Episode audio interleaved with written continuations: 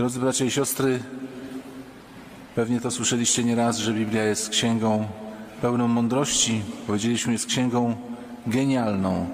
Potrafi w jednym zdaniu opisać historię człowieka, potrafi w jednym zdaniu wyrazić tajemnicę człowieka.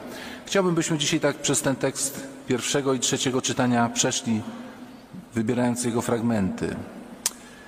Zaczyna się to wszystko od słów, gdy Adam spożył z drzewa owoc, a więc zerwał przymierze, pierwotne przymierze z Bogiem Ojcem, a więc od, oddalił się od Boga, odciął tą, jakby można powiedzieć, pępowinę, którą sączył miłość, wiedzę i dobroć Stwórcy. Adam stał się autonomicznym ośrodkiem. Okazał nieposłuszeństwo, brak zaufania, odry, odrywa się od Boga i zostaje sam. I zostaje sam. I zawsze, kiedy człowiek odejdzie od Boga, zaczyna Boga widzieć inaczej. To Państwu często mówiłem, spotykam różnych znajomych, kolegów sprzed lat i kiedy ktoś z nich już w trzecim, czwartym zdaniu zaczyna najeżdżać na Kościół, to znak, że już jest oddalony od Boga często przez jakiś romans, przez jakąś pokręcenie swoich dróg życia. Kościół też, kiedy się przestaje do niego chodzić, Państwo znacie to porównanie, że różnego rodzaju witraże, kiedy się na nie patrzy z zewnątrz kościoła, to jest czarna plama. Jak się wejdzie do kościoła i patrzy się na witraż, to jest arcydzieło sztuki. A z zewnątrz, wielu ludzi patrzy na kościół z zewnątrz i rzeczywiście jest to czarna plama. Czarna plama, nie do, nie do zniesienia. Kiedy się oddalamy od Boga, im bardziej się oddalamy od Boga, tym on się wydaje nam coraz bardziej brzydki, podejrzany, tajemniczy. No i właśnie jak zareagował e, Adam, kiedy usłyszał głos Pana Boga przestraszył się. To Jan Chryzostom mówił, każdy kapłan, który głosi Słowo Boże, walczy z szatanem i powinien znać pociski szatana, czym zostanie zaatakowany przez złego ducha. Ale to dotyczy nie tylko nas księży. Wy wszyscy powinniście znać chwyty szatana i jego pociski, a podstawowym pociskiem szatana jest wzbudzanie wstydu i strachu. I kiedy Adam usłyszał głos Boga w raju, to się przestraszył, przestraszył się, bo Bóg już jest dla niego nie ojcem, przyjacielem, tylko tym, co coś ukrywał, jakieś drzewo nam zabronił owoce spożywać, a dlaczego, a wszystkiego nam nie dał, to, to my jesteśmy Jego ukochanymi dziećmi, czy nie jesteśmy ukochanymi dziećmi, skoro On coś przed nami ukrywa. Już zaczyna się lęk przed Bogiem. No trudno to sprawdzić, bo to trzeba wejść w strefę naszych odruchów, ale tak spróbuj sobie, bracie i siostro, wytłumaczyć, że, że, wyobrazić, chociaż to nie jest proste, że siedzisz w domu, oglądasz telewizję, nagle wpada twój mąż, syn, sąsiadka, mówi, Pani Elu, Pan Jezus na czwartym piętrze, już idzie do Pani. Pierwszy odruch. Cieszysz się, czy wpadasz w panikę? Czy mówisz, Boże, nieprawdopodobne, naprawdę do mnie idzie Jezus?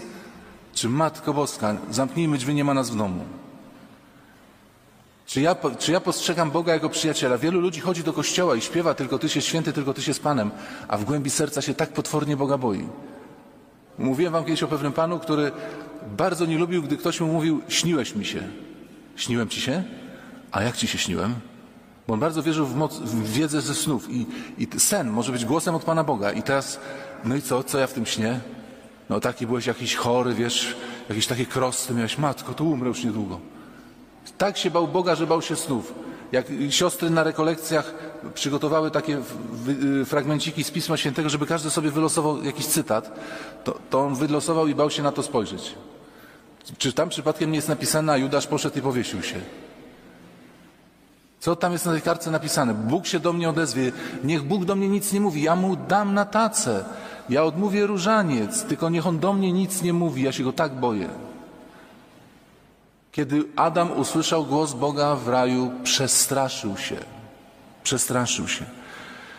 Cały czas próbują ludzie, niektórzy i złe duchy zasiać w nas możliwość, oj, ten Pan Bóg, czy On jest wszechmocny? Uzdrowiłby tych biedaków z Sobieskiego, uzdrowiłby tych biedaków z onkologii na Ursynowie. Czy On jest wszechmocny? Nie mógłby zrobić pól golfowych na Saharze. Naprawdę to jest takie, nie mógłby wskrzesić tych wszystkich umarłych z powązek z brudna. No przecież może, wszystko może. Dlaczego tego nie robi? Podejrzany on jest. Tam są jakieś dziwne sprawy z tym Panem Bogiem. Tak ludzie rozumują, może wobec Boga boją się tego powiedzieć, y, ale wobec Kościoła to mówią jasno, żeby Kościół że Kościół źle funkcjonuje, że źle zorganizowany, sprzeniewierzył się ideą Ewangelii. Przestraszyłem się, jeszcze jest wyszczególnione, bo jestem nagi. Drodzy bracia i siostry, z tą nagością Adama. Adam i Ewa chodzili po raju nadzy i byli piękni i wszystko, co Bóg stworzył, było dobre. A przyszedł szatał i, i właśnie zasiał to, co powiedziałem, poczucie wstydu. Jak oni oderwali się od Pana Boga, to cały świat, który był do tej pory przyjazny, stał się dla nich zagrożeniem. Zaczęli być niezadowoleni z siebie, ponieważ stali się, nie wiem jak to nazwać, no perfekcjonistami. Bez Boga człowiek staje się, y, zaczyna wierzyć w to, że sam się zbawi, że sam zdobędzie się na taką doskonałość, która pozwoli mu przejść w jakiś inny stopień bytowania, bardziej doskonalszy. I szatan mówi: Jesteś nagi, czyli taki słaby, taki bezbronny. Od razu Pan Bóg wyczuł, że to ktoś mu musiał Adamowi powiedzieć, bo on by na to sam nigdy nie wpadł. Szatan właśnie mówi: Bóg was nie kocha, nie dał wam wszystkiego, coś przed wami ukrywa. I Adam i Ewa mówią: No tak, nie pokochał nas, bo musimy mieć jakiś defekt. I zaczyna splatać z gałązek figowych pierwsze ubranie, pierwsze skrycie się, a potem wśród drzew raju się kryje. Zwróćcie uwagę, mam defekt, jestem nagi, Boga się boję, wniosek uciekać w krzaki, chować się. Chować się przed prawdą. Bóg wszystko wie, ale proszę zwrócić uwagę, że w Księdze Rodzaju w pierwszym fragmencie dzisiejszego pierwszego czytania staje, stawia pytania. Bóg się do nas dostosowuje, wiecie? Przecież Pan Bóg wiedział, gdzie jest Adam. Po co pytał, gdzie jesteś, Adamie? Bo Pan Bóg wychodzi z założenia, chcesz się ze mną bawić chowanego? To się pobawimy w chowanego. Pan Bóg się zniża do poziomu. Proszę zwrócić uwagę, co było w dzisiejszej Ewangelii. Yy, oni zadają Panu Bogu absurdalny zarzut, że On mocą diabła wyrzuca diabła. A Pan Bóg cierpliwy Pan Jezus siada i mówi, jak to, co wy mówicie? Przecież gdyby diabeł sam siebie wyrzucał, to jego królestwo by było pokonane i rozwalone. Jezus nie mówi, durne pytania stawiacie, tylko siada i odpowiada im, przepraszam za słowo, na te durne pytania. Chcesz ze mną grać w takie gry? Dobrze, ja się zniżę do Twojego poziomu. Chcesz się ze mną bawić chowanego? Chcesz się ze mną bawić w handlarza? Ja się zniżę do Twojego poziomu i będę starał się z Tobą rozmawiać na tym poziomie, na jakim Ty do mnie mówisz. Mówiąc oczywiście prawdę i starając się z tego poziomu Ciebie dźwignąć.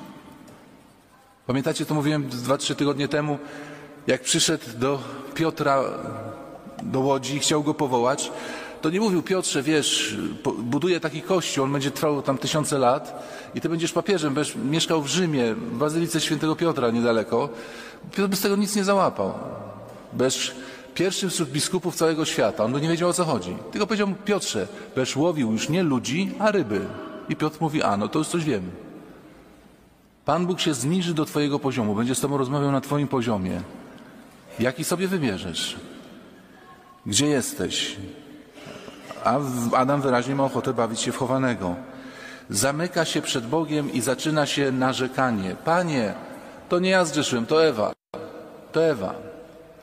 Proszę Państwa, my wszyscy jesteśmy świadomi naszych nieszczęść wewnętrznych, zewnętrznych, naszych niskich samoocen, naszych zranień, naszych niedoskonałości, naszych grzechów, nałogów. Tylko, że w ogromnej chyba większości szukamy winnych. No jestem dziki, ale moje dzieciństwo takie było, że ja inny nie mogę być. No, no nie dostałem się na studia, ale nie miałem pieniędzy na korepetytorów. No to, to, to moja wina, że no przede wszystkim znajdujemy mnóstwo defektów w sobie. Są ludzie, którzy się analizują. Waga, wzrost, objętość, jak, jak się prezentuje. Taki, taki ciągłe narzekanie. To jest dowód właśnie, na, wyraźny taki dowód na odcięcie się od Pana Boga. Jeden z księży nawet na konferencji rekolekcyjnej nie wiem, czy on ten wierszyk ułożył, czy gdzieś usłyszał, ale właśnie wspomniał w takiej króciutkiej formie poetyckiej o takiej charakterystycznej postawie właśnie narzekania, pisząc o jakiejś, myśląc o jakiejś kobiecie, dziewczynie, takiej kościelnej, napisał to ma małe, to ma za duże, też by chciała śpiewać w chórze, albo chociaż w jakiejś scholi, a nie śpiewa, to ją boli. Niektórzy żyją w, w atmosferze tego wiersza. Chciałbym to, to, to, to jest za duże, to za małe, to jestem zagadatliwa, to zamilczę, to jestem za, za pracocholikiem, to jestem leniem. Nie mogę trafić w środek, nie mogę, nie mogę trafić w dziesiątkę. Rozgoryczeni, szukający, schowani strachu. Kochani, bardzo często, może powiem tak, jeśli ktoś przestał wierzyć w Boga, to nie znaczy, że nie wierzy w nic. To znaczy, że zaczął wierzyć w byle co. Pamiętam, jechałem samochodem przez Raszyn, to tak mi to utkwiło, nawet pamiętam, gdzie to było, i słuchałem audycji radiowej. I jakaś dziennikarka, i ludzie, ona mówiła to na poważnie, mówiła, że każdy z nas ma, jak, może tak, jak się człowiek rodzi, to gdzieś w buszu, w Afryce, w sawannie, w Australii rodzi się zwierzę. I to jest nasz taki duchowy brat. Jak my chorujemy na grypę w Warszawie, to on w tej Australii też kaszle. I on z nami żyje. Jak my się cieszymy, to on ma tam dobre dni też. Banany mu lecą. I nie daj Boże, żeby człowiek pojechał do tej Australii i spotkał to swoje zwierzę. Bo jak spojrzą sobie w oczy, to straszne rzeczy się będą działy. I jak my tu umieramy, to on tam w tej Afryce, w Nairobi też umiera. Ja bym zapytał, dawno Pani była o komunii? To ile lat już Pani zerwała z Kościołem? Proszę Państwa, jakie to jest piękne powiedzenie. Jak człowiek przestaje wierzyć w Chrystusa, to nie znaczy, że w nic nie wierzy. Zaczyna wierzyć w byle co. W byle co. I bardzo zaczyna często, Bogiem Jego staje się to sakramentalne powiedzenie, co inni powiedzą. To jest taki mocny Bóg, co inni powiedzą. Proszę Państwa, nie jeden człowiek już zapomniał, jakie ma poglądy, nie jeden człowiek już zapomniał, co on naprawdę sam chce, bo bez przerwy się pyta, co inni powiedzą. Niektórzy mają domy urządzone nie tak, jakby chcieli, tylko tak, jak powiedzą ci inni goście, którzy tu zawitają. Czytają książki takie, żeby inni pochwalili, oglądają filmy takie, żeby inni pochwalili. Co inni powiedzą? Co o mnie powiedzą? To jest ogromny Bóg, potężny Bóg. Oczywiście piszemy go z małej litery, bo z prawdziwym Bogiem nie ma nic wspólnego. I chciałbym, ktoś powie, proszę księdza, no dobrze, jasne, że my wiemy doskonale, żeby od Boga się nie oddzielać, bo człowiek wpadnie w tarapaty i wpadnie w gąszcz grzechów, kłamstw, iluzji, ale skąd brać siłę? Słowa uczą, przykłady pociągają. Chciałem Państwu zaprosić na spotkanie króciutkie przez kilka moich zdań opowiadania z, z rzeczywistymi siłaczami, ludźmi, którzy żyją w tak zwanym realu, mocno chodząc po ziemi i są rzeczywiście obrazem mocy Bożej. W jednym z tygodników ukazał się y, artykuł o małżeństwie Jima i Michelle Dagar. Mieszkają w Ameryce, mają 19 dzieci. Co, co, co ciekawe, proszę Państwa, że te dzieci nie są aktorami, a kiedy patrzyłem na ich zdjęcia, są nieprawdopodobnie uśmiechnięci. Oprócz tych najmniejszych, tego takiego tam półrocznego, bo to półroczny to wszystkim przerażony, roczny też, ale już tak od dwóch lat wszystkie dzieci na zdjęciu się uśmiechają czystym uśmiechem. To jest ciekawe, bo proszę Państwa, my nieraz sobie robimy zdjęcie na krupówkach czy gdzieś przed kościołem i połowa się śmieje, połowa jest... Wszyscy się śmieją, jak, jak na zawołanie. Ale może zdjęcie nie jest najważniejsze. Czy są szczęśliwi? Piszą, że tak. I to chyba widać w tym uśmiechu. Czy są bogaci? Nie. Nigdy nie kupili nowego samochodu. Na co dzień dzieci uczone są skromności. Dziewczynki noszą uszyte przez siebie suknie i spódnice, a chłopcy długie spodnie. Większość kupowanych ubrań pochodzi ze sklepów z używaną odzieżą.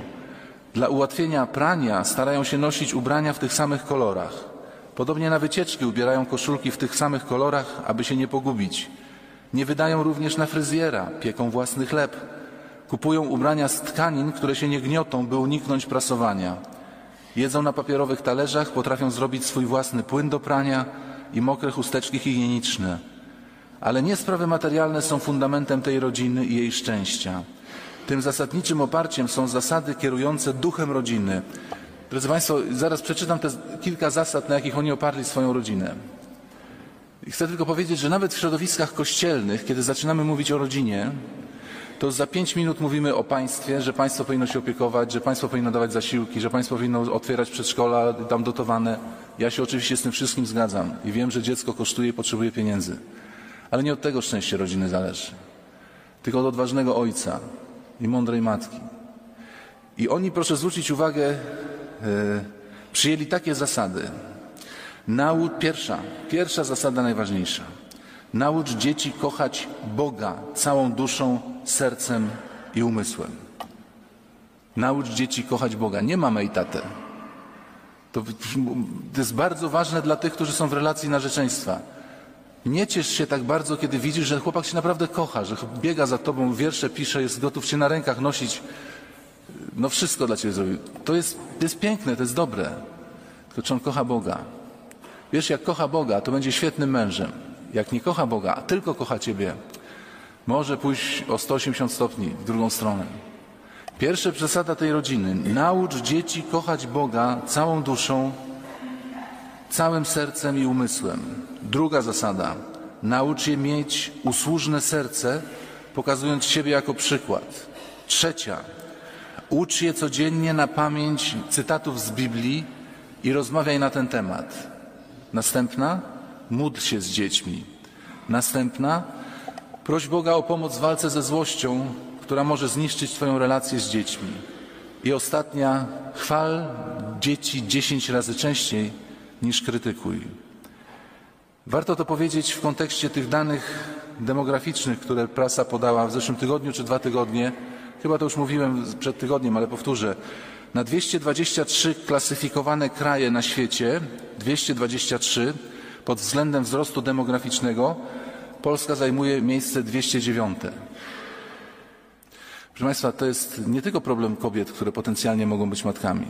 To jest problem ich facetów ochroniarzy, którzy nie wlewają często w, serce kobiety spokoju, nie martw się, jak się dziecko urodzi, ja będę zarżnięty, a Tobie będę pomagał.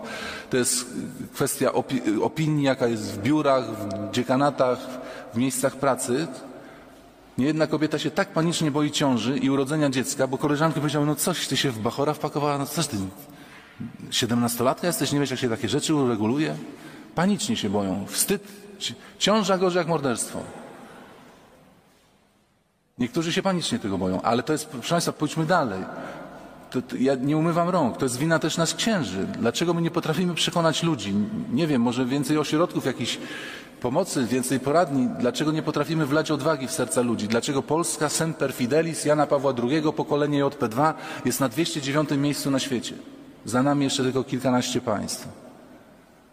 To jest, to jest yy, to jest y, statystyka, która oczywiście może być mylna, ale pokazuje coś o naszym męstwie, odwadze i o naszej bliskości, bliskości Pana Boga.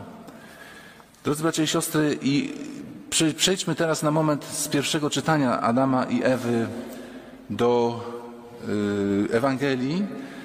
I w Ewangelia nieraz się wydaje, przepraszam, podejrzana. No bo ci uczeni w piśmie, ci uczeni w piśmie to nie byli głupi ludzie. A do Jezusa mówią takie bzdury, że ma diabła w sobie i wyrzuca diabła. Diabeł wyrzuca diabła w imię diabła, przeciwko diabłu jest razem z diabłem. No po prostu bez sens. Proszę Państwa, ale jak człowiek czegoś nie chce, to będzie gadał i wielkie głupoty, tylko żeby tego nie przyjąć. Ktoś ładnie powiedział, że podobno na Śląsku jest takie powiedzenie, jak ktoś nie chce, to gorzej jakby nie mógł. To jest świetne powiedzenie. Jak ktoś nie chce, to gorzej jakby nie mógł, jak się zaprze. I oni już nie wiedzą, jak Jezusa skontrować. Jak Jezusa skontrować? I mówią, on ma w sobie diabła. I Jezus to cierpliwie tłumaczy. Bo proszę Państwa, nienawiść, oni tak nienawidzili Jezusa, prowadzi do takiej głupoty, Nienawiść prowadzi do takiej głupoty, że to jest nie do opisania, jak człowiek, jak człowiek potrafi zgłupieć, żeby tylko szukać argumentacji dla swojej nienawiści. Jesteśmy w temacie piłkarskim. Proszę Państwa, czy wyobrażacie sobie sytuację, że w meczu z Grecją jakiś Polak strzeliłby bramkę, a stadion by gwizdał, 55 tysięcy mówili, że tyle było Polaków, by gwizdał i gwizdał i gwizdał. Wiecie, co się zwariował? Jakby któremuś się udało strzelić bramkę, to byśmy skakali po prostu do sufitu. A może starsi panowie, tacy starsi w moim wieku po pięćdziesiątce, pamiętają rok 77. Na Śląsku mecz Polska-Portugalia. Gramy z Portugalią i Portugalczycy nam wbili bramę. Jest 0-1. Cały stadion krzyczy Polska, Polska, wyrównajcie, Polska, wyrównajcie. Kazimierz Dejna, świeć Panie nad jego duszą, ustawia piłkę w rogu i strzela bezpośrednio bramkę z rzutu rożnego. 60 tysięcy ludzi gwizdże na Dejnę. Wygwizdują go po prostu, zmieść go chcieli z boiska tym gwizdem. 60 tysięcy ludzi gwizdże po zdobyciu Polski, bramki przez Polskę. Tak nienawidzili Dejny. Tak go nie cierpieli. Nieważne, że Polska, nieważne, że zremisowaliśmy, tylko wygwizdać z nienawiści. I to jest, proszę Państwa, odpowiedź na to, że ludzie wybierają piekło. Jak ja o tym mówię, to proszę księdza, no, przecież nikt nie wybierze piekła. Z nienawiści będziesz robił głupie rzeczy. Z nienawiści możesz wy, wybrać piekło. Z nienawiści, ze złości. Proszę zwrócić uwagę, jeszcze raz przeczytam jedną z zasad, które ta rodzina odkryła, na której oparła wspólno, wspólnotę tych 21 osób, 19 dzieci i yy, dwojga rodziców. Przypominam tą zasadę. Ona jest bardzo ważna. Proś Boga o pomoc w walce ze złością, która może zniszczyć swoją relację z dziećmi. Złość. Emocjonalne, wrogie nastawienie do drugiego, gdzie nie, nie grają żadne, nie odgrywają roli żadne argumenty, gdzie nikt nie słucha, tylko nienawidzi i cieszy się porażką tego nienawidzącego.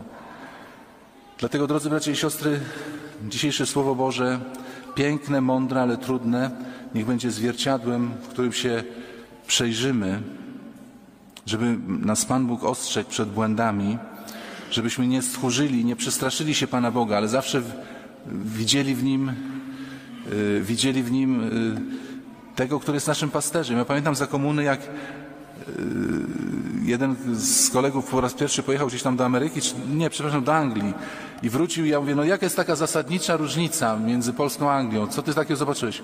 On mówi, ja mieszkałem w takim małym osiedlu i tam często policjanci chodzili. To w Polsce jak się policjanta widziało, to się rachunek sumienia robiło, przychodziło na drugą stronę. A tam ludzie lgną do policjantów, bo on jest przyjacielem tego osiedla. On mm, przychodzi do ludzi, pyta, czy w czymś nie pomóc. Otóż właśnie, czy Bóg jest dla mnie tym, na którego widok ja przechodzę na drugą stronę ulicy?